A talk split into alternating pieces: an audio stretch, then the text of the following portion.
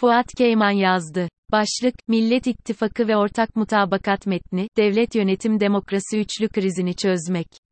Millet İttifakı'nın 30 Ocak toplantısı ve bu toplantıda açıklanan ortak mutabakat metni üzerine politik yolda ve farklı yazılı ve görsel medya organlarında yeterince yorum yapıldı.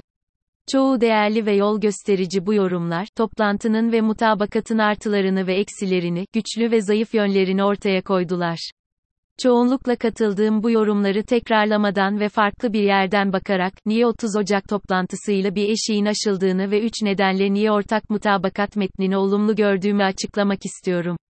Niye olumlu? Birincisi, 3 Kasım 2002 seçimleri tek başına iktidar olarak kazanmasıyla başlayan AK Parti'nin Türkiye yönetimi ve Cumhurbaşkanlığı hükümet sistemi süreçleri içinde yapılan seçimlerle karşılaştırmalı baktığımız zaman şunu söyleyebiliriz, iktidar ile muhalefetin seçimlere hazırlanmasında ciddi bir yer değiştirme yaşıyoruz.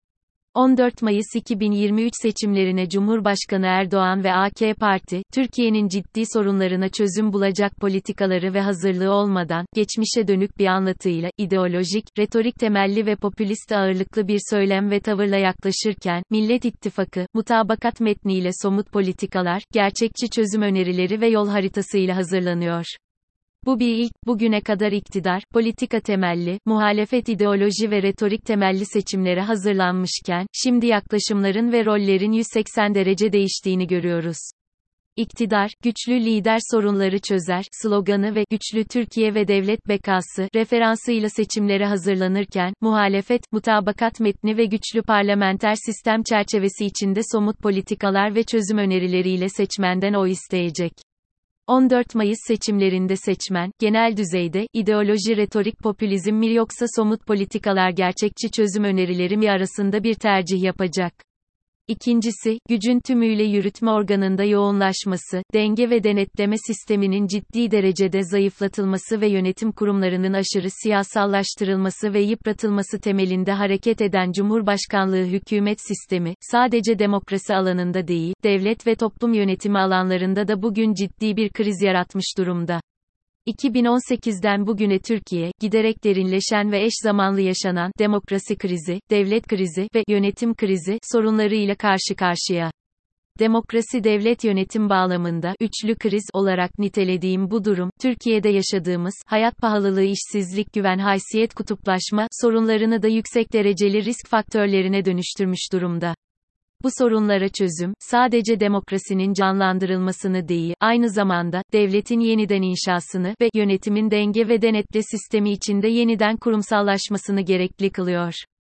Kürt sorunundan diğer kimlik sorunlarına, kadına ve farklı olana şiddetten itibarlı dış politikaya kadar mutabakat metninin eksikleri olabilir.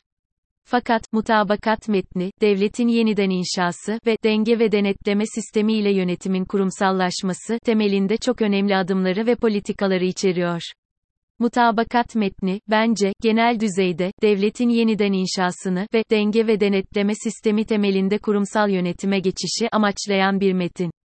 Bu anlamda da Millet İttifakı önemli bir adım atmış gözüküyor. Üçüncüsü, devlet, ekonomi ve toplum yönetiminde neoliberalizm otoriter popülizm kıskacına girmiş Türkiye'nin, bugün, sistem toplum yönetimi toplumsal psikoloji alanlarında halkın ve insanların güven güvence haysiyet duygularını güçlendirecek yeni bir yönetim ve liderlik anlayışına ihtiyacı var. Millet İttifakı, mutabakat metni ve güçlendirilmiş parlamenter sistem önerileriyle ve altı partinin işbirliği ve birlikte çalışmasıyla yeni yönetim anlayışı için önemli adımları atmış oldu. Tek bir partinin değil, altı partinin bu çabası, altı çizilmesi gereken bir başarıyı ve önemli bir adımı içeriyor. Bu anlamda, altı partinin birlikte hazırladıkları ve altına imzalarını attıkları bu çalışmalarla Türkiye, hem bir ilki yaşıyor, hem de, yeni Türkiye için yeni yönetim anlayışının çerçevesi ortaya çıkmış oluyor. Liderlik, umut ve güven bu üç madde içinde mutabakat metnine olumlu yaklaşmalıyız diye düşünüyorum. Nokta. Peki, bu olumlu ve önemli adımlar seçimleri kazandırmaya yeterli mi? Güçlendirilmiş parlamenter sistem ve ortak mutabakat metni ile seçim kazanılır mı? Kolay değil. Hatta zor gözüküyor. Küresel ölçekte yaşanan çoklu krizler ve otoriter popülizm döneminde seçimler sadece gerçekçi politikalar ve çözüm önerileriyle kazanılmıyor. Korkmuş ve kutuplaşmış insanlar, güvenceli sığınaklarını güçlü liderlerde ve ideolojilerde bulabiliyorlar. Bu liderler sorunları yaratmış olsalar dahi. Bu nedenle, halkın güveneceği, güvencesizlere güvence olacak, korkularını umuda dönüştürecek lidere ve yönetim takımına ya da liderlik kabinesine ihtiyaç var, mutabakat metnini halka anlatacak, Millet İttifakı'nın desteğini tam almış, seçimleri kazanabilirim, iddiasını taşıyan lideri belirleme zamanı gelmiş gözüküyor. 13 Şubat ya da hemen sonrası günlerde lideriyle birlikte Millet İttifakı sahaya inmiş olmalı.